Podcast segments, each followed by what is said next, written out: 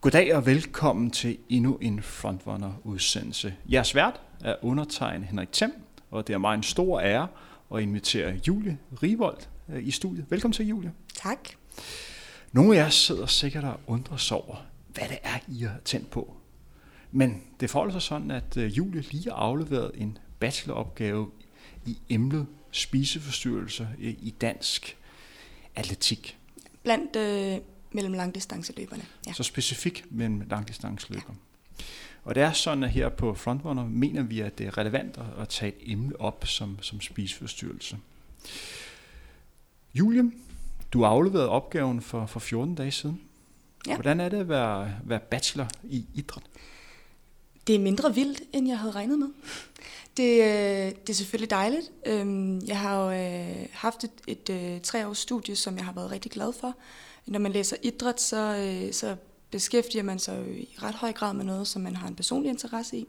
Og det har været rigtig, rigtig fedt. Øhm, så jeg har ikke været skoletræt øh, overhovedet. Øhm, nu skal jeg jo godt nok ud og have et, et, øh, et års fjumreår, som, øh, som nogen ville kalde det, hvor jeg lige venter et år med at tage min kandidat. Øhm, men det er egentlig ikke, fordi jeg er skoletræt. Jeg, øh, jeg er super glad for, har været super glad for at læse idræt. Og hvorfor er det relevant, at vi snakker om spiseforstyrrelser? Det er det, fordi at det desværre er sådan, at øh, både i dansk atletik, ikke bare blandt øh, løberne, men øh, egentlig også i nogle af de andre discipliner, og selvfølgelig også i en række andre øh, idrætsgrene, øh, at der er en forhøjet forekomst af spiseforstyrrelser, og faktisk en meget, meget forhøjet forekomst i nogle idrætsgrene. Øh, samtidig så har der indtil videre, nu er der jo sket nogle, nogle, et forøget fokus her i foråret, men i en del år ikke rigtig har været den store indsats på området. Derfor så er det selvfølgelig også rigtig relevant at tale om. Og før vi går ind i gang, så skal vi lige kridte dagens spilleregler op. Mm. Det er sådan, at øh, jeg er vært og kommer til at stille øh, en del spørgsmål øh, til dig og tage udgangspunkt i, i din opgave, som du lige afleveret, og dine erfaringer øh, på området. Jeg skal lige nævne, at ved siden af, at jeg driver den her podcast Frontrunner øh, sammen med andre, så sidder jeg også som formand for aktivkomiteen for Dansk Eliteatleter. Ikke kun inden for atletikken, men inden for alle idrætsgrene. Området spiseforstyrrelser er et område, som der har været stor fokus på i, i foråret, og jeg sidder også øh, på nuværende tidspunkt og bruger en del tid på at sidde og arbejde specifikt på det øjeblik. Noget af det, der bliver arbejdet med, er sådan lidt tyst-tyst, for der sker meget lige i øjeblikket, så der vil være ting, som du sikkert kommer til øh, at sige, som jeg kender mere til, og måske også har nogle andre holdninger til, men jeg mener ikke, det er relevant i det område her, eller denne udsendelse. Det, der er relevant her, det er dine erfaringer og få sat ord øh, på det. Julie, vi sad lige og snakkede om, hvad der skulle ske for dig. Det er jo sådan, at øh, i næste uge, der tager du til Bornholm og starter et, et nyt kapitel i dit, i dit liv. Ja. Kan du fortælle lidt om, hvad der skal ske? Jamen, øh, Faktisk er Bornholm bare et øh, pitstop på vejen, fordi jeg til efteråret skal øh, rejse tre måneder rundt i Sydamerika. Men det koster jo nogle penge at, øh, at rejse rundt i Sydamerika, og derfor så skulle jeg have et, øh, et øh, arbejde hen over sommeren, hvor øh, jeg kunne få en masse timer, så jeg kunne, kunne tjene op til den her Sydamerika-rejse. Og så sad jeg og søgte job, og så, øh, så fandt jeg ud af, at øh, jeg kunne få et job på en restaurant på Bornholm, hvor jeg samtidig kunne bo der så jeg ikke skulle, øh, skulle hvad hedder det, øh, betale noget for at bo der, og det gjorde, at jeg jo selvfølgelig kunne, kunne tjene en masse penge, men også kunne, øh, kunne, kunne være et, øh, et andet sted end øh, lige i København. Jeg tænkte, hvis jeg alligevel skal arbejde 50 timer om ugen, så kan jeg lige så godt gøre det sted, hvor der er fedt. Og Bornholm er jo et virkelig skønt sted, så, øh, så der glæder mig til, at jeg skal hen. Så hvis man gerne vil finde dig i løbet af sommeren på Bornholm, hvor skal man så tage hen? Man skal tage til Dueøjet, Nærmere bestemt, så skal man finde mig på Dueøjet Steakhouse. Jeg har ikke været der endnu. Øhm, jeg glæder mig til at se det. Og hvorhen i Sydamerika skal du rejse rundt? Øh, jeg skal rejse øh, med sådan en grupperejse, øh, og vi skal til Brasilien og til Peru og Bolivia og Chile og Argentina. Julie, du er jo 24 år mm. og mhm. også selv en baggrund inden for, for atletikken. Du har ja. været en del af Sparta Student Runners. Ja. Hvad er din kærlighed til, til atletikken? hvis vi sådan skal beskrive det lidt. Hvad er det, du bliver fascineret af? Altså for mig, jeg har jo aldrig dyrket øh, eliteatletik, og jeg har aldrig løbet på eliteplan, og det har aldrig rigtig været ambitionen. Jeg synes, jeg kom ind i Sparta for fem år siden, fordi jeg egentlig gerne ville træne sammen med nogle andre. Og øhm, så tog det stille og roligt fart med, at øh, jeg også kom ind i vores, øh, det, jeg kalder vores festudvalg, og engagerer mig mere og mere i klubben, og synes egentlig, at øh, for mig er det jo et sted, hvor øh, jeg har mine venner, og jeg synes, det er et rart sted at komme, og det har også affødt en, en sådan lidt mere generel interesse for atletikken. Øhm, både fordi jeg kender en, en masse atleter, øhm, men også fordi at jeg har en generel interesse for, for idrætten. Øhm, jeg har jo også læst idræt ved siden af, og, og jeg tror at samtidig med, at jeg sådan lærte nogle ting på studiet. Jeg er meget interesseret i, i sådan idrætssociologi. Hvorfor gør vi, som vi gør, og hvem træner hvad, og hvorfor. Øhm, og det, det har også, øh, der har jeg lært en masse ting der, øhm, og der har jeg bare nogle interesser i de områder. Du var jo i starten af 20'erne, da du sådan startede i, øh, i, i Sparta. Jeg var 19, ja. Du var 19, ja. Mm.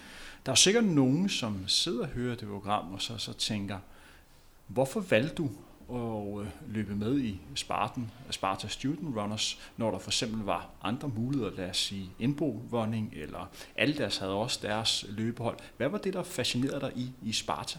Jeg tror faktisk, altså det er jo tilbage i 2014, og jeg tror faktisk ikke, jeg kendte til Enbro øh, og Adidas. Jeg ved ikke, hvor stor. Jeg tror ikke, Adidas var så stor. Jeg tror, at lige var ved at starte op ja. øh, på det øhm, tidspunkt. Jeg, øh, jeg kendte en anden, som løb i forening, og øh, så tænkte jeg, at jeg skal også løbe i forening, og jeg overvejede faktisk ikke, øh, hvad hedder det, øh, muligheden for at løbe i et løbefællesskab. Og så øh, boede jeg faktisk i Kastrup på det tidspunkt, og så overvejede om det skulle være Amager Atletik, eller om det skulle være Sparta. Og så valgte jeg Sparta, fordi de havde student runners, og fordi jeg vidste, at jeg ville flytte ind til byen på et tidspunkt. Øhm, men egentlig fordi der var et sted der, hvor jeg netop kunne løbe med nogle unge mennesker. Vi har ikke beskrevet Sparta Student Runners så meget i, i det her program, men kan du lige øh, sætte på ord på, hvad konceptet egentlig øh, drejer sig om, udover at det giver lidt sig selv, når man siger Sparta Student Runners? Ja, og så giver det faktisk ikke helt sig selv alligevel, fordi det er sådan, at det hedder student runners, men man behøver ikke at være studerende for at løbe på holdet. Øhm, men, øh, men ideen med student runners var, at øh, det var Andreas Kepler og Kavakia, som tilbage i 2013, tror jeg, øh, startede det op. Andreas og Kavakia løb jo i Heides gruppe, og, øhm, og Heidi, som er træner i, i Sparta på en ja, elitehold. det er deres senior elitehold. Øhm, og, øhm, og det stiftede de som et motionshold, for de havde et lille sidegeschæft til deres egen træning, tror jeg. Og øhm, det er et, et øh, motionshold, som træner tre gange om ugen, men som træner lidt kortere, end de resterende hold gør i Sparta, og øhm, som laver lidt mere øh, teknik og styrketræning, øhm, og som også træner med henblik på banesæsonen og crosssæson. Så egentlig et motionshold, men som, som, som træner med henblik på nogle lidt andre konkurrencer, end de typiske motionister i Sparta gør. Og hvis der er nogen, der sidder og hører det program her, som tænker, det her hold, jeg kunne jeg godt tænke mig at, at løbe med på, hvad er argumentet for, at man skal øh, vælge den træningsgruppe? Hvad er det, den gruppe kan, som man ikke kan finde andre steder? Altså det, som de lige præcis konkret kan på Student Runners, det er, at man har en fast træner, som er til stede altid. Det har man jo altid i Sparta. Øhm, men det er jo der, hvor vi adskiller os fra løbefællesskaberne. Øhm, derudover så øh, er der selvfølgelig nogle faciliteter, der gør, at de kan lave øh, noget styrketræning og noget tekniktræning, som, som trænerne har rigtig meget erfaring med fra deres egen træning. Øhm, og det, øh, det er i mine øjne ret svært at få andre steder i det danske, i hvert fald det københavnske løbsmiljø lige nu, hvis man ikke er eliteatlet. Som sagt er dagens øh, tema øh, spiseforstyrrelse. Vi skal snakke om den bacheloropgave, som, som du lige har afleveret, og øh, dine erfaringer på området. Vi skal snakke sådan lidt generelt ud fra, hvordan du ser øh, problemstilling. Men før vi lige kommer derhen, vi er ikke helt færdige med, med opvarmning endnu, hvis man kan tillade sig mm. at, at sige det. Ja. Det er sådan, den, den sidste halvanden års øh, periode har du arbejdet i Sparta, hvor du sådan har været en del af deres social media øh, team. Hvordan har det været at arbejde i, i Sparta, og hvordan ser du øh, Sparta lige nu på, på løbescenen? Jeg kommer lige med en kort rettelse først, fordi det var faktisk sådan, da jeg blev ansat. Det var ikke med henblik på de sociale medier. Det var med henblik på at udvikle vores motionsafdeling, hvis man kan sige det sådan, øhm, og være lidt mere tydelig udadtil. Og en del af det, det var, øh, at vi, øh, vi selvfølgelig også blev mere tydelige på de sociale medier med vores motionsafdeling. Og jo længere hen jeg kom i min ansættelse, jo mere hjalp jeg til med de sociale medier, også hen over atletikken og løbsafviklingen. Øhm, og så spørger du, hvordan det har været at, at være i Sparta. Det har været øhm, spændende. Det har været øhm, det er jo en, en arbejdsplads, hvor der er virkelig plads til, at man kan komme med en idé, og så bliver den grebet, og den bliver ført ud i livet. Der er ikke langt fra idé til udvik eller til, at den, den står i praksis. Øhm, det har været lærerigt, og det jeg sådan måske primært har lært i Sparta, det er det der med at se muligheder, øhm, og øh, få, få en idé øh, ført ud i livet, og være, være kreativ. Øhm, og så har jeg lært rigtig meget om det danske løbsmiljø. Jeg havde jo en interesse i forvejen. Jeg vidste nogle ting fra mit studie, og særligt da jeg blev ansat, så jeg mig læst op på nogle af de forskningsprojekter, der er lavet omkring dansk løb tilbage i 2011, 12, 13 stykker. Øhm, og kunne se mange af de ting i praksis. Og så har det været en kæmpe fordel for mig, at jeg også har haft ansvar for, når vi for eksempel har stået med eksproer og have en stand, eller har vi været ude til events, og egentlig bare tale med de mennesker, der kommer igennem der, som ikke er medlemmer af klubben, og møde de mennesker, øhm, og, øh, og har hørt så mange fortællinger fra de mennesker, som løber vores løb, øhm, som både hvor jeg har kunne se, om det stemmer overens med de ting, jeg har læst i forskningen, men også bare at møde de mennesker i virkeligheden har været øhm, så lærerigt og så spændende. Det er jo ikke nogen hemmelighed, at jeg også har en, en stærk relation til, til Sparta, mm. som har været øh, min klub i mange år. Sparta er på mange områder et, et flagskib øh, herhjemme, og øh, man kan takke meget af udviklingen i, i, i løb øh, øh, til, til Sparta, fordi de har virkelig været med til at gøre en forskel. En af dem, som måske har gjort den allerstørste forskel, det er jo, det er jo Niels Jørgen, den, øh, den tidligere formand, som, som stoppede sig som formand øh, i, i starten af året. Han er jo efterhånden blevet 70 år, tror jeg, han lige har rundet ja, sig. han fyldte 70 i august. Og hvis, hvis det ikke havde været for Niels Jørgen, så er der ikke været noget, der hed, det var Elstafet, det var også ham, der startede Copenhagen øh, Martin op. Det er jo virkelig en mand, som har sat sin aftryk på, på løbescenen. Det er faktisk også, jeg afbryder lige, Niels Jørgen, som tog til USA og så det her koncept omkring kvindeløb. Og han er den første, der tager det med hjem til Danmark, øh, hvor konceptet så har udviklet sig senere hen. Det kan vi også takke Niels Jørgen for. Kan du sætte øh, nogle lidt ord på, på Nils Jørgen? Hvordan var det at arbejde med uh, Nils Jørgen? Han er jo en, en speciel, men meget dygtig mand. Nils Jørgen er, øh, han skal opleves. Han er, øh, han er rigtig speciel, og han er enormt inspirerende. Da jeg startede, i, øh, det var Niels Jørgen, der ansatte mig, og jeg havde sådan lidt sådan ærefrygt for ham, fordi jeg vidste jo godt, hvem han var, og jeg vidste jo godt, hvad han ligesom havde udviklet, og hvor længe han havde været der. Øhm, men jo længere tid jeg ligesom havde været i Sparta, jo mere fandt jeg ud af, at øh, Niels Jørgen jo faktisk er meget omsorgsfuld. Og øh, Niels Jørgen øh, er eksemplet på det her med, at øh, det her med at se muligheder frem for begrænsninger. Han er absurd dygtig til at sætte andre mennesker i arbejde det er også det, der gør, at, øh, og det ved alle, der har arbejdet sammen med Niels Jørgen, de ved, at man kan godt bare gå forbi ham på vej hen et andet sted, så siger han, hov, du kan du ikke lige tage den der kasse og løfte den derhen. Øhm, og øh, han, øh, han er svær at sætte ord på, han skal simpelthen opleves. Øhm, men han er enormt god til at ja, få sat ting i gang. Og det tror jeg også, at det afspejler sig jo i, øh, i, i de ting, han har udviklet gennem årene, som, som du nævnte før. Øhm, og derudover, så er der ikke noget, der er for stort til Niels Jørgen. Han er ikke bange for at tage en kæmpe opgave på sig. Jeg talte med en, som sagde, at dengang vi lavede broløb, der var jo fandme, altså hvad, 40-60.000 mennesker, og det var ikke sådan, at Niels Jørgen havde tænkt, det kan vi ikke. Det kan vi sagtens. Øh, det finder vi ud af. Og sådan, det afspejler, som jeg også sagde før, på resten af kontoret i Sparta, jamen vi finder en løsning. Øhm, og det, det kommer øh, fra Niels Jørgens ånd. Det er Han er jo en dinosaur i, i dansk løb ja. og, og dansk atletik øh, generelt. En af de ting, som jeg personligt holder allermest af med øh, Niels Jørgen, det er, at han er ikke bange for at gå forrest. Han er Nej. ikke bange for at lave øh, det beskidte arbejde selv. Nej. Hvis man er leder, så er det vigtigt, at man kan arbejde på, på alle niveauer.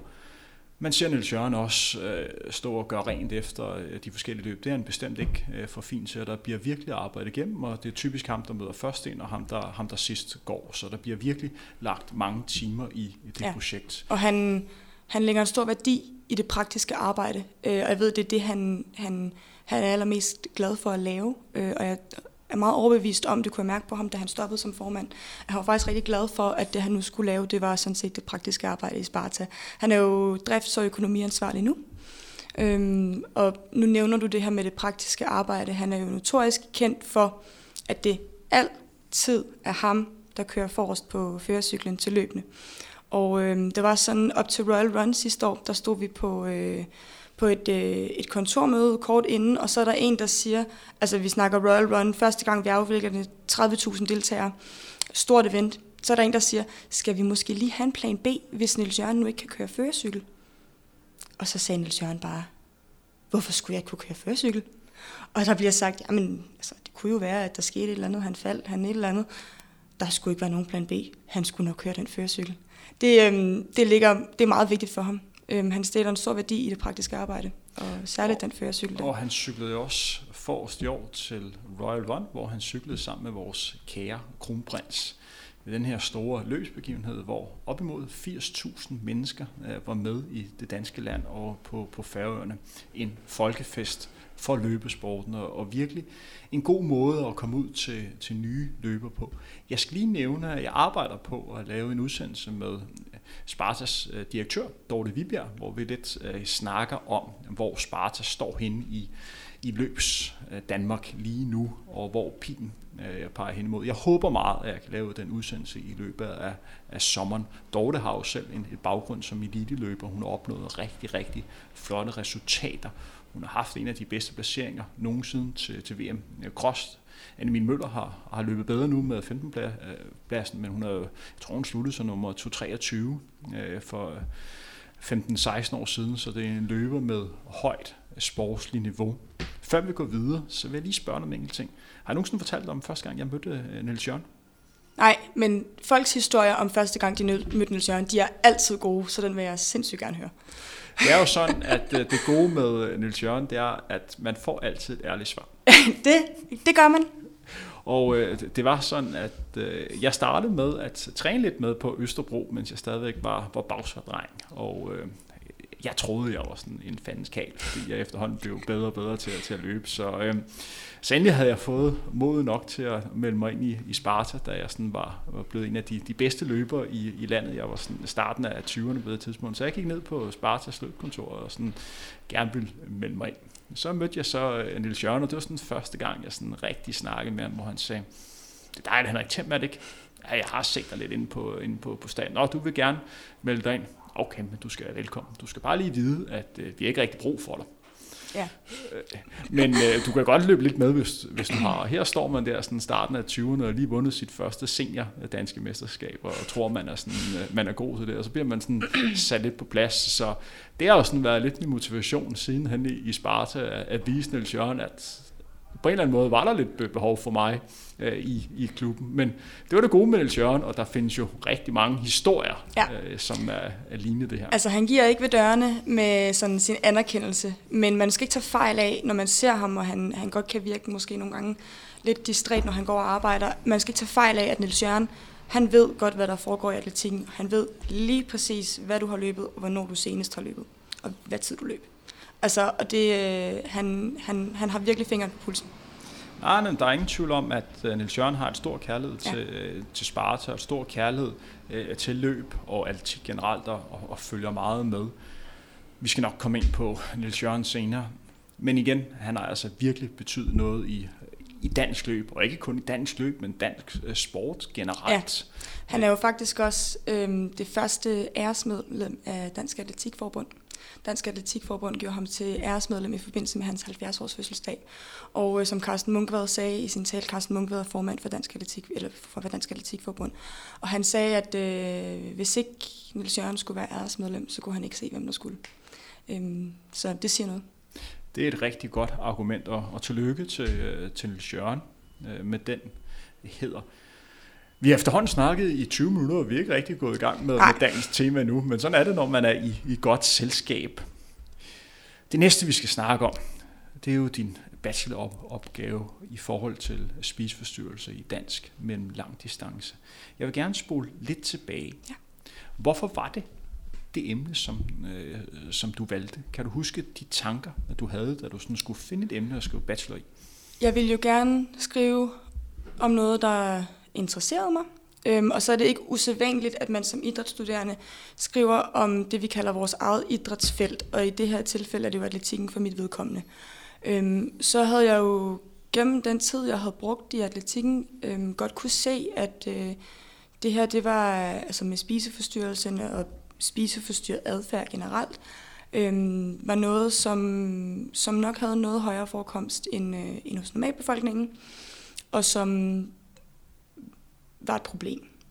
Og øh, jeg, var, jeg var nysgerrig på, øh, hvordan det egentlig kan være, at det er så stort et problem i atletikken. Jeg var meget i tvivl om, hvorvidt jeg overhovedet skulle skrive den her opgave.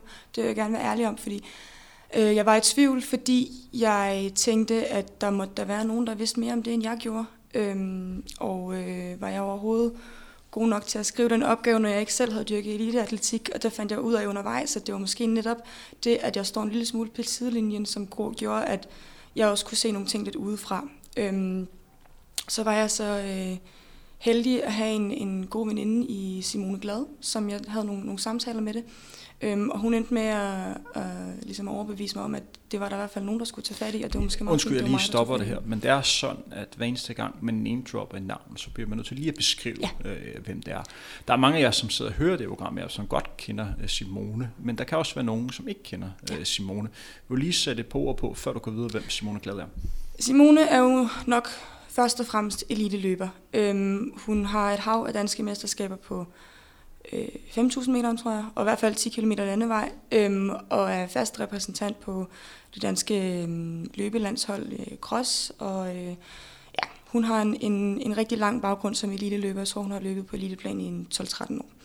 Øhm, jeg kender hende, fordi vi jo har arbejdet sammen i maratonsport, og øh, samtidig så er hun jo også atlet i Sparta, og øh, vi klikker godt, så vi er gode venner der fik vi lige præsenteret Simone. Ja. Jeg skal også lige gøre lidt reklame for, at der faktisk ligger en udsendelse med Simone, hvor hun snakker om sit fantastiske 10 km løb, hvor hun satte PR med lidt over minut ved en lejlighed at løb 32, nogle 40. 47. 47. Mm. En af de bedste tider, der nogensinde er løbet på 10 km distancen. Ja. Søg de øh, podcast feed efter Simone Glad, så vil dukke en beskrivelse op af, af, af det løb, hvis I gerne vil lære Simone bedre at kende. Men tilbage til dig. Du var i gang med at beskrive dine tanker om den her opgave. Jeg tror egentlig, at det, øh, det, var, det var det. Altså, jeg, jeg var i tvivl, om jeg skulle gøre det, og så, øh, så fik Simone i sidste ende overbevist mig om, at det var nok en meget god idé, at øh, der var nogen, der skrev den opgave. Vi talte lidt om, øh, og som, der, er jo, der findes jo ikke voldsomt meget forskning på, hvor mange der har en spiseforstyrrelse i dansk atletik. Øhm, der findes et enkelt forskningsprojekt fra 2015, som er sådan et, et dansk-svensk projekt, hvor man fandt ud af, at øh, det faktisk var en fjerdedel af de kvinder, som deltog i det projekt, der kunne diagnostiseres med en klinisk spiseforstyrrelse.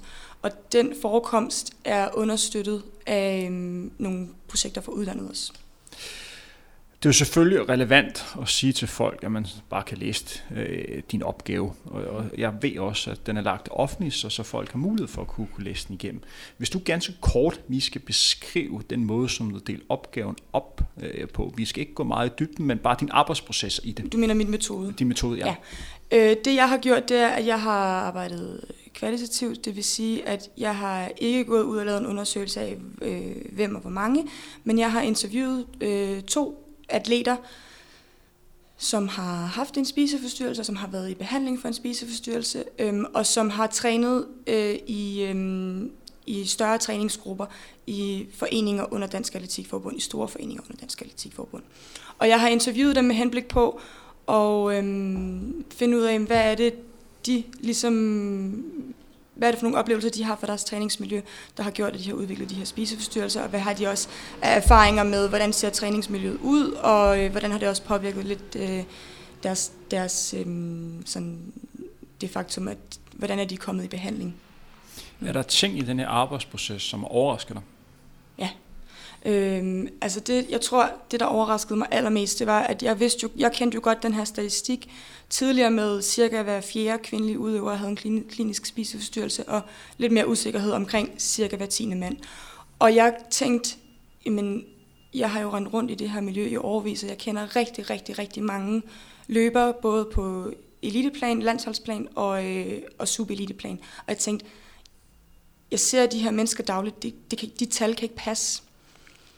Og efter at jeg sådan begyndte at sidde og læse baggrundslitteratur på, jamen hvad er det i idrætsmiljøet, der, der kendetegner et idrætsmiljø, hvor der er en stor øhm, risiko for udvikling spiseforstyrrelse, hvad, hvad er et symptomer på en spiseforstyrrelse, og samtidig med, at jeg søgte mine informanter, og jeg fik en masse beskeder i min indbakke, så gik det op for mig, at øhm, de tal stemmer desværre nok meget godt overens. Så vi lige ridser op, så alle, der sidder og hører det program her, er sikre på, hvad du mener. Ja. Ifølge dine undersøgelser ja. og dine kilder, ja. hvor stor er forekomsten så af spiseforstyrrelser i dansk med en langdistance? Jeg gentager, at vi har kun et dansk forskningsprojekt, hvor der også er nogle, få, nogle svenske atleter med, som siger 25 procent. Når vi taler om øh, tal og forekomst, så er der så få forskningsprojekter, at vi taler om stor usikkerhed. Vi har heller ikke nogen danske undersøgelser, der fortæller, hvor mange mænd. Øhm, men der er en del, der tyder på, at det er 25 procent af kvinderne og 8-9 procent af mændene hos løberne. Øhm, men der er ikke noget, der kan siges med konkret sikkerhed.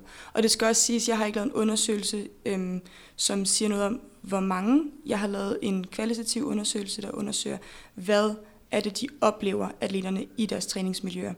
Øhm, når jeg siger, at jeg tror, at de her tal stemmer meget godt overens, så er det udelukkende på baggrund af observationer for de ting, jeg har fået i min indbakke, og de ting, jeg har observeret i mit eget idrætsmiljø.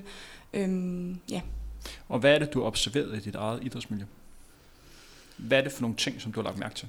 Jeg er blevet mere opmærksom på øhm, de kommentarer, de ting, der bliver sagt, de ting, der bliver gjort, både omkring, altså at der bliver talt meget nogle steder om mad, hvad er rigtig mad, øhm, nogle steder også nogle kommentarer om, at øh, når så skulle du lige have et ekstra stykke kage, var. Øhm, og det er sådan noget, som vi fra forskningen ved, er, øh, er øhm, øger risikoen for, at der er nogen i sådan et idrætsmiljø, der udvikler en spiseforstyrrelse. Derudover så har vi jo også, øhm, hvis vi skal eksempelvis tale sociale medier, altså vi ved fra forskningen, at intern konkurrence i en træningsgruppe også øger, omkring mad eller træning øger risikoen for at udvikle en spiseforstyrrelse.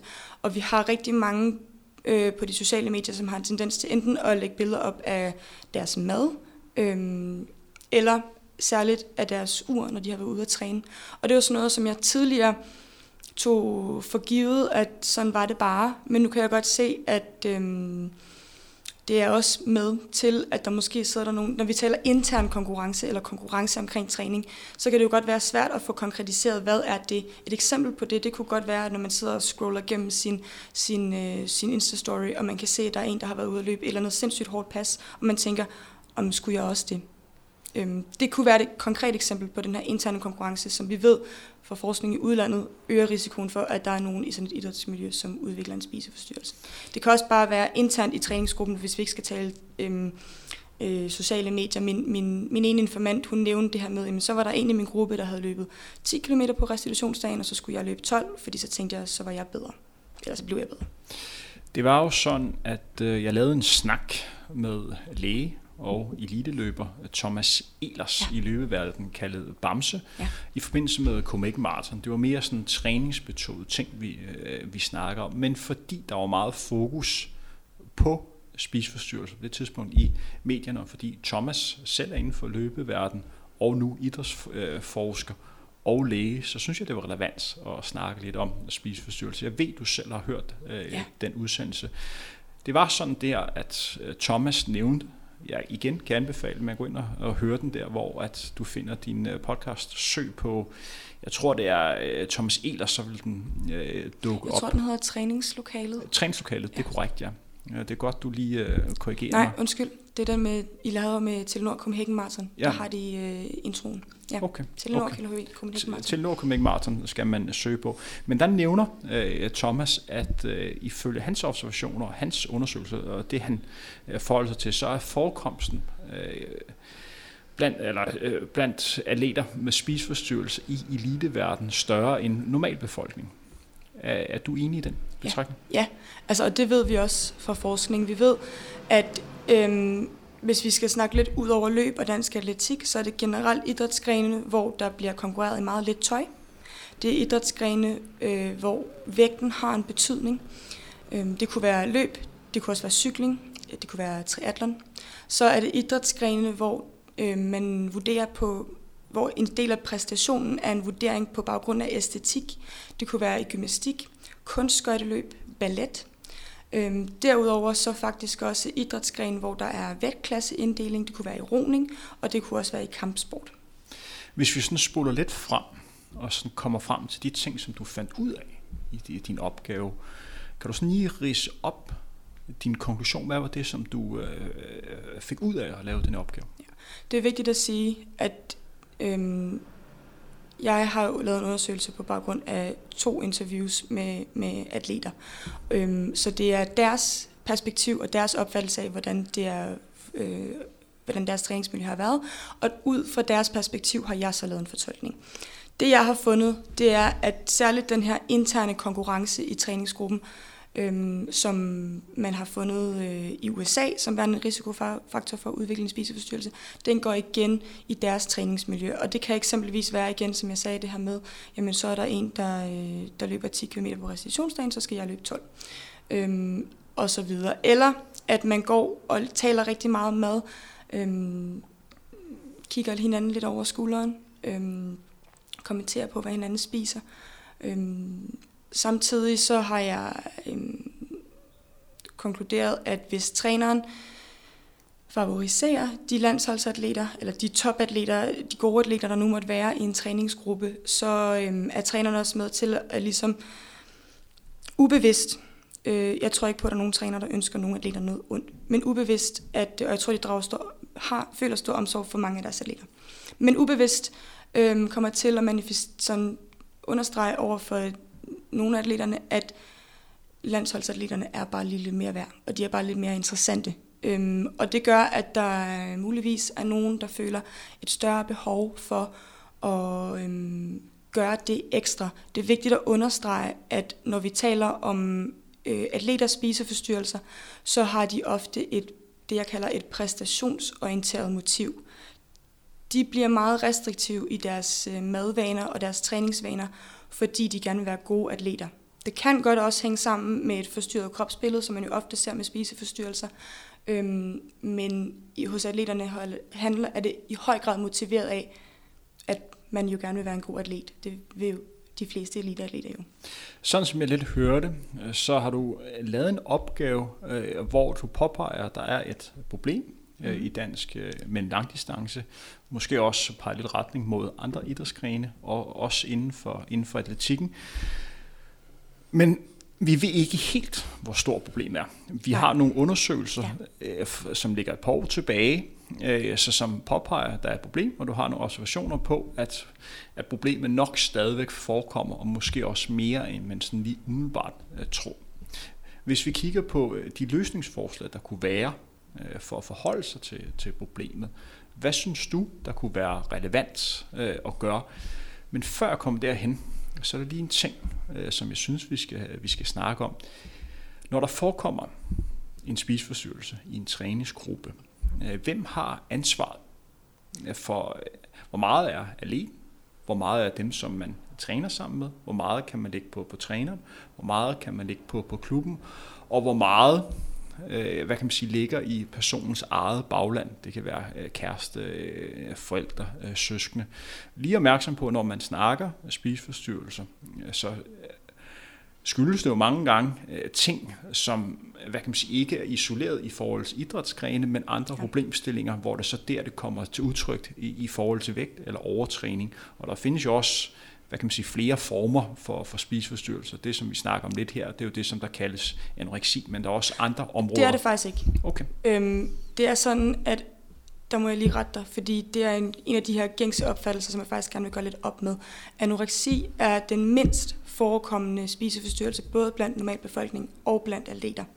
Øhm, blandt atleter bliver der typisk diagnostiseret øhm, atypiske spiseforstyrrelser, øhm, etnos eating disorder not otherwise specified, som er nogle spiseforstyrrelser, som øhm, ikke altid øhm, som kan ligne anoreksi eller bulimi, men hvor man ikke opfylder alle diagnosekriterierne. Det er rigtig vigtigt øhm, pointe, at, og det er også noget, det de fandt i det danske forskningsprojekt fra 2015, at de mennesker, som ligger i lavst energiunderskud, øh, eller i slået størst energiunderskud, øh, det vil sige dem, der spiser mindst i forhold til, hvor meget de træner, er ofte dem, der faktisk har den højeste fedtprocent, fordi det, der sker med kroppen, det er, at øh, hvilestofskiftet falder, fordi kroppen kan godt se, at jeg får sgu ikke så meget mad, jeg skal nok ikke forbrænde så meget, og derfor så kan man godt være i et alt for stort energiunderskud og være normalvægtig eller ikke være sygeligt tynd. Og det er en meget vigtig pointe i forhold til, øhm, når vi skal identificere de her spiseforstyrrelser. Der er rigtig mange, der tror, at vi bare leder efter den person, der er tyndest, men vi kigger ikke så meget på vægt. Vi, hvis vi skal eller identificere og finde en spiseforstyrrelse, så skal vi nok nærmere kigge på adfærd. Men hvis vi kigger lidt på, hvem der har øh, ansvaret, måske ja. også for forkert ord at, at bruge, men hvad er det for nogle ting, man skal være opmærksom på? Man skal være opmærksom på, hvis en atlet eksempelvis øh, har en uforklarlig præstationsnedgang, øhm, lige pludselig bliver meget træt i træning, øhm, ikke præsterer til konkurrencer. Man skal være opmærksom på øhm, en atlet, som muligvis, og det er ikke sikkert, men muligvis øhm, trækker sig lidt, virker øhm, til ikke at trives, som, øh, som, som nogen, nogle, det ord, nogen bruger. Øhm, man skal også være opmærksom på selvfølgelig, hvis folk de trækker sig fra sociale arrangementer og fra, fra madarrangementer. Øhm, det betyder, behøver de heller ikke at gøre at trække sig fra madarrangementer. Der er nogen, eksempelvis folk med bulimi, som faktisk oplever nogle gange, at de har det, de selv definerer som overspisninger, når de udspiser blandt andre, fordi man gerne vil bevise, at man ikke har en spiseforstyrrelse.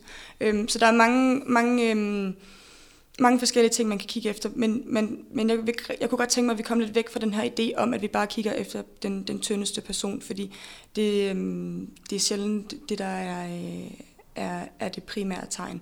Øhm, derudover, så det er også vigtigt at, ligesom at komme ind på og sige, at det behøver ikke kun at være øhm, en, en spiseforstyrrelse, er jo også, at man har hænger ofte sammen med et lavt selvværd og nogle psykiske problemer. Det er jo en psykisk lidelse. Men der er jo også rigtig mange, og det viste det danske forskningsprojekt fra 2015 også, at der er faktisk op mod 60 procent af de kvindelige udøvere ligger i for lavt energiunderskud, og det betyder, at øh, de får øh, træthedsbrud og alle mulige andre fysiologiske konsekvenser af, af de her øh, af det her energiunderskud. Og det er også noget af det, man, man, man selvfølgelig skal tage højde for, at det behøver ikke at være en, en, en psykisk lidelse også. Det kan også bare være, at der er nogle ting der, man skal kigge efter. Og hvis man så har en atlet, som, hvor man kan se, at der er et energiunderskud, eller man har mistanke om et, om et energiunderskud, og atleten så ikke ønsker øh, eller er modvillig i forhold til at rette op på de energiunderskud, så kan vi begynde at tale om, at der muligvis er nogle psykiske, en psykisk lidelse også.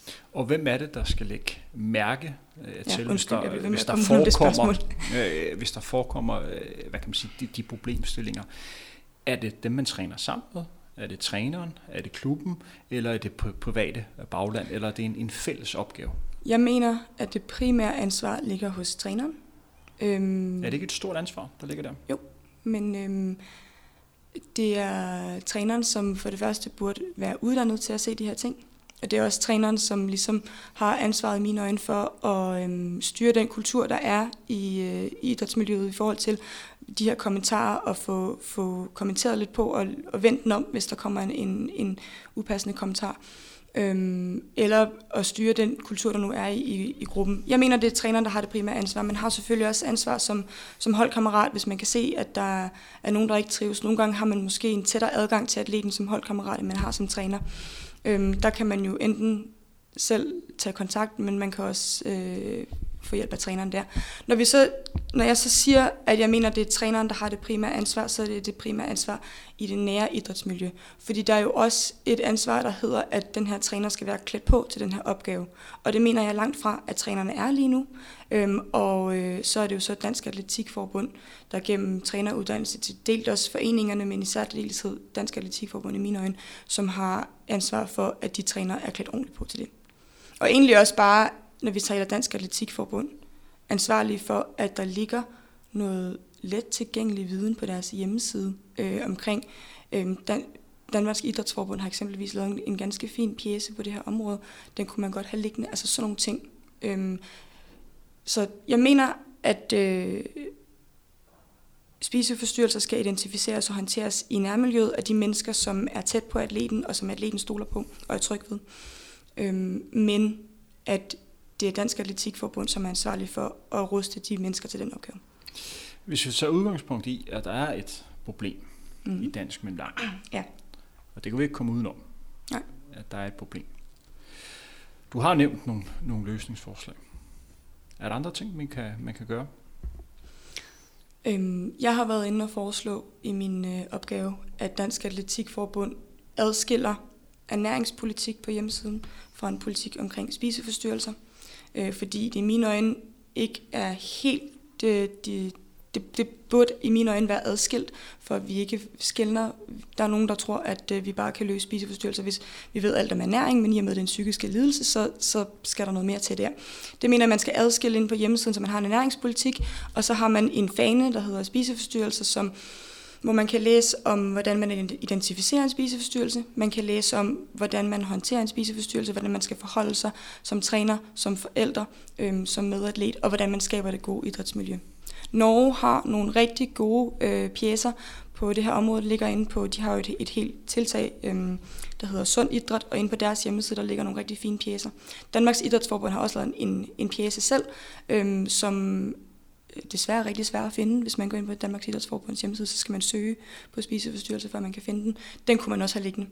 Øhm, derudover så, øhm, så har jeg foreslået, at øh, man lige med hvad man gør i Norge, har øh, helbredsundersøgelser, årlige helbredsundersøgelser af øh, eliteatleterne. Og det er sådan set ikke bare for, at vi skal sikre os, at eliteatleterne er sunde og raske, det skal de selvfølgelig også være, men egentlig også fordi vi ved, at de ting, eliteatleterne siger, gør, øhm, det er dem, som folk længere nede i træningsbyerne, miljøerne spejler sig i. Så hvis der kommer en eller anden hjem fra øh, øh, en helbredsundersøgelse og begynder at snakke om, når jamen, altså, så tog de den og den blodprøve og lavede det og det, og så, kan man, så er det med til at fordre den her snak om, når jamen, der er faktisk ret mange, der, øh, der har jernmangel, der er faktisk ret mange, der får de her træthedsbrud, og det er ikke noget, vi skal acceptere. Det er, det er med til at trække samtalen i en anden retning. Øhm, og det er med til at skabe en, den her opfattelse af, at når jeg, der er faktisk også noget, der hedder vores sundhed. Øhm, og skabe et fokus på de her fysiologiske konsekvenser af det her energiunderskud. Julie, det er sådan, at udover at vi bruger tid på at sidde og snakke med dig, så vil vi også i Frontrunners i, i løbet af sommeren snakke med en psykolog. Vi er i gang med at få aftalen helt på plads, hvor vi sidder og snakker om nogle af de psykologiske problemstillinger, når vi snakker om spiseforstyrrelse. Hvis der er nogen, der sidder og hører denne udsendelse. Nogle atleter, som, har, kan, som ved, de har det svært inden for, inden for det område her. Hvem skal de tage fat i? Hvad skal de gøre? Hvis der er en, øh, hvis der er en løber, øh, som sidder som godt selv inderst inde, øh, måske ikke har det, det bedste forhold til, øh, til koster og, og motion. Hvad er din anbefaling? Hvad skal man gøre som atlet? Jeg synes lidt, at du med det spørgsmål rammer fuldstændig ned i hele problematikken.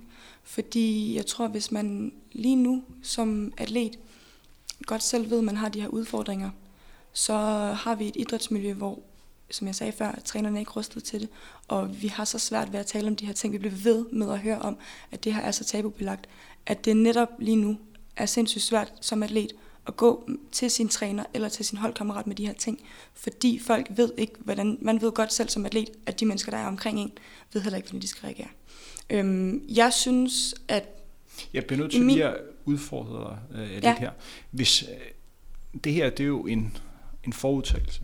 Ja, Det ja. kan jo være, at der er nogle trænere, som, som er rustet. Mm. Mhm. Det kan jo være som træner, som godt ved, hvad de skal gøre. Mm. Men hvis atleten er lidt usikker på, om træneren kan håndtere det, er det ikke, øh, er- ligger det så ikke over hos, øh, øh, atleten, hvis atleten ikke siger det til træneren? Jeg synes, at øh, jeg mener, at vi lige nu, nogen, når vi, når vi eksempelvis forventer, at atleten selv både skal komme med sin spiseforstyrrelse, selv skal komme og ligesom sige, jeg har et problem. Og når atleten selv skal søge den her hjælp, at vi lægger ansvaret over på atleten selv. Og det øh, synes jeg ikke er, er øh, altså det, det kan vi ikke. Øhm, jeg synes, det, det, det er netop det, der er hele problemet i sig selv, fordi atleterne har sjældent, øhm, ikke altid i hvert fald mulighed for selv at erkende de her ting, der skal nogen udefra til det. Øhm, og øhm, det, jeg mener, at hele humlen problemet er, at vi netop anser det for at være atleternes ansvar. Og hvis vi kort resumerer op. Den største problemstilling, som ikke er løst nu, som du er kommet frem til ud fra din observation. Hvad er det? Er det, øh, at man er klar over, at der er et problem, eller mere at lidt mangel på, øh, hvad kan man sige, på handling på problemstillingen? Mangel på handling. Jeg tror godt, at øhm, Dansk Atletikforbund er klar over, at der er et problem. Øhm, jeg er ikke helt sikker på, at de egentlig kender omfanget af problemerne. Øhm, jeg kender rigtig mange, som jo har, har været i, ikke rigtig mange, men begge mine øh, informanter eksempelvis, har, øh, har været i behandling for en spiseforstyrrelse uden deres øh, foreningshjælp. Øh, hjælp. jeg mener, at Dansk Atletikforbund mangler at skabe en evne lokalt ude i idrætsmiljøerne til, at vi håndterer det her. Så problemet er selvfølgelig den høje forekomst, men problemet er i høj grad også mangel på handling på området. Jeg skal også lige nævne, at det er også på sin plads, at vi øh, hører Dansk Atletikforbund om deres holdning øh, til, til det område her. Øh, så, så, så næste gang jeg mødes med repræsentanter for dem, så vil jeg spørge lidt ind til det, fordi der skal også være mulighed for, at de kan komme med deres ord øh, på, på det her, fordi det er et fælles ansvar at få løst den her problematik. 100%. Hvis jeg lige må, må, må skyde ind der, så har jeg jo sendt mit projekt til Dansk Atletikforbund. Det skal også nævnes, at jeg i opgaven har interviewet øh, Bo Overgaard, som er elitechef i Dansk Atletikforbund, til mit diskussionsafsnit. Øhm, og jeg ved, at øhm, jeg har indtryk af, at ud fra den samtale, jeg havde med ham, og også øh, for de mails, jeg har fået senere, det selvfølgelig er noget, som de mener er vigtigt, og de mener, der skal være noget handling på området. De læner sig i høj grad op af øhm, Danmarks Idrætsforbund og Team Danmark, som jo lige nu er i gang med at, at lave en undersøgelse, som helt sikkert kommer med, med et udspil senere hen. Øhm, og det synes jeg faktisk er, er, er helt fair, at man lige nu siger, at der kommer en, en handlingsplan, som ikke kun handler om vores specialforbund, men som handler om en række specialforbund. Øhm, og, øh, og det synes jeg er, selvfølgelig giver rigtig god mening, at man venter på den handlingsplan. Jeg synes også bare godt, at man som specialforbund godt må tage noget ansvar selv. Øhm, nogle af de øh, øhm, forslag, jeg kommer med i min, i min opgave, er ikke særlig svære. Det handler om nogle små ændringer på en hjemmeside øhm, i forhold til nogle anbefalinger, og det er ikke særlig dyrt, og det er meget simpelt. Øhm, derudover så synes jeg også lige nu, at det er rigtig simpelt at sige, at øhm, Team Danmark og, og, og Danmark Idrætsforbund kommer med et udspil senere, så lænder vi os op af det. Men vi må også bare huske på, at det er jo i gåsøjne lidt et tilfælde, at der har været en svømmesag, og der har været det her store fokus hen over foråret. Det er jo ikke sådan, at, nå, gud, var der mange spiseforstyrrelser i dansk atletik? Det vidste vi slet ikke. Det vidste vi godt. Øhm, vi har bare ikke talt om det før. Hvis vi leger med et eksempel. Der er simpelthen kommer en rig onkel, der har en forkærlighed inden for lige præcis det område. Der siger, Julie, du får uanede muligheder, rent økonomisk, til at arbejde videre med den her problematik. Vi dropper alt om Bornholm. Vi dropper alt om Steakhouse. Vi dropper alt om Sydamerika. Der er alligevel lidt kedeligt derovre i Sydamerika. Hellere blive i dejlig Danmark. Og så du skal virkelig have fokus på, på det område her. Som sagt, du har de midler til rådighed, som du skal bruge. Hvor vil du starte hen? Hvad vil du arbejde videre med, hvis du havde kapacitet til at kunne gøre det? Forstår mit spørgsmål? Mm, ja. Altså, der kræver, der er, som jeg sagde før, kæmpe behov for bedre uddannelse på det her område. Øhm, til trænerne, også til atleterne egentlig, øhm, meget mere let tilgængelig viden. Jeg synes, at øhm, hvis vi har uanede mængder, så synes jeg, vi skal tage et, et, et kig op til Norge. De har faktisk en model, som vi nærmest bare kan kopiere øh, og gøre til vores egen. Øh, Sund Idræt hedder det hvor øh, det er et samarbejde på tværs af nogle af de her specialforbund, som har en forhøjet forekomst af spiseforstyrrelser, som både laver helbredsundersøgelser af eliteatleterne, som laver nogle, øh, sådan nogle weekendcamps, atleterne kan komme på, der, under, der uddanner dem i øh, ernæring og, øh, og hvad, hvad, hele det her emne. Øhm, så har de øh, også, øh, at de kommer ud og holder nogle foredrag i foreninger og andre steder, hvor det er relevant. Den model, den er så, så fantastisk, øh, og så i mine øjne, så godt et eksempel på, hvad er det, vi skal gøre, at du, du kan kigge op der, og så kan du øh, kopiere hele det show. Det koster rigtig mange penge, øh, men det er der, jeg mener, vi skal hen. Og lige på det område der er jeg helt enig. Det er sådan, at øh, i norsk eliteidræt, især de udholdenhedsbetonede idrætsgrene, har man haft en, en stor udfordring i spiseforstyrrelser. Så det er noget, man arbejder med i, i en del år. Man har også givet atleter karantæne, øh, hvad kan man sige, for landsholdet, fordi de øh, hvad kan man sige, har været i det, man kalder fare for sig selv. Nu er de så begynder at kunne få at opleve en resultatmæssig fremgang, fordi der er mange atleter, som har fundet et fået et sundere forhold til deres idræt og dermed præsterer øh, bedre. Fordi hvis man har problemer øh, med kost og er syg, så må man formode, at ens præstation er nedadgående. Ja. Så det er i alles interesse at få løst den her udfordring. Julie, vi er ved at være til vejs ende med øh, dagens program. Vi har snakket om et meget aktuelt emne, og et emne, som vi vil arbejde videre med her i, i front, Frontrunner-regi, fordi det er noget, som vi skal kunne håndtere øh, i, i dansk idræt, og især inden for, øh, inden for, for dansk løb. Det er sådan, øh, Julie, i de her programmer skal der være tid til, til vores gæster. Er der ting, som du brænder inde med, som du ikke mener, at vi har kommet kom ind på? Som udgangspunkt ikke. Altså, øhm, jeg håber, at øh, vi kommer til at have tale meget mere om det her, både øhm, fra Dansk Atletikforbunds side, sociale medier, nu er du i gang. Øhm, og det vil jo så afspejle sig forhåbentlig også ude i træningsmiljøerne. Øhm, jeg håber, at øh, vi ligesom efterhånden kan komme til en anerkendelse af, at det her er et problem, vi skal gøre noget ved. Øhm, men, øh, men, men jeg synes, jeg har fået sagt det, jeg skal. Jeg håber, at folk vil gå ind og læse lidt op på, øhm, hvad er det egentlig, som øh, vi siger og gør, hvad er det gode træningsmiljø, og hvordan ser en spiseforstyrrelse egentlig ud? Altså, hvad, hvad er det, vi skal kigge efter? Der er både selvfølgelig Team, eller Danmarks Idrætsforbunds pjæse, men jeg synes virkelig, jeg håber virkelig, der er nogen, der vil gå ind og kigge på øh, Sund Idræts hjemmeside. Der kan man lære rigtig meget gennem de pjæser, de har der. Der, der er en rigtig fin øh, øh, håndbog i udelukkende, hvordan tager jeg den her samtale med et atlet, hvad er sætningen, hvad for, en, hvad for en ord, nogle ord bruger jeg, når jeg skal udtrykke min bekymring øh, for nogen.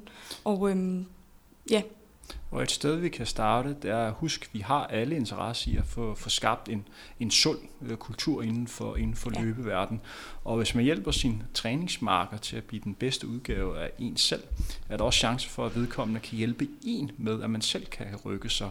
Så hvis man oplever i træningsmiljøer, at der er nogen, der har det øh, lidt svært, så tag dialogen øh, med vedkommende, og på en eller anden måde øh, se, om det ikke er noget, man sådan kan, øh, kan hjælpe sig. Det er det, vi skal, øh, skal starte med. Vi har alle et fælles ansvar. Som sagt, det her det var en udsendelse med Julie Ribold, der lige har afleveret en, en bachelor i emnet øh, spiseforstyrrelser. Det var en opgave, som tog udgangspunkt i en metode, som var interviewet med øh, to atleter, som har haft udfordringer med øh, spiseforstyrrelser, måske stadigvæk har, og så perspektivering ud fra, hvad du ellers har oplevet ud for, hvad kan man sige, din, øh, dine erfaringer og det teori, som du, øh, du har læst. Er vi enige?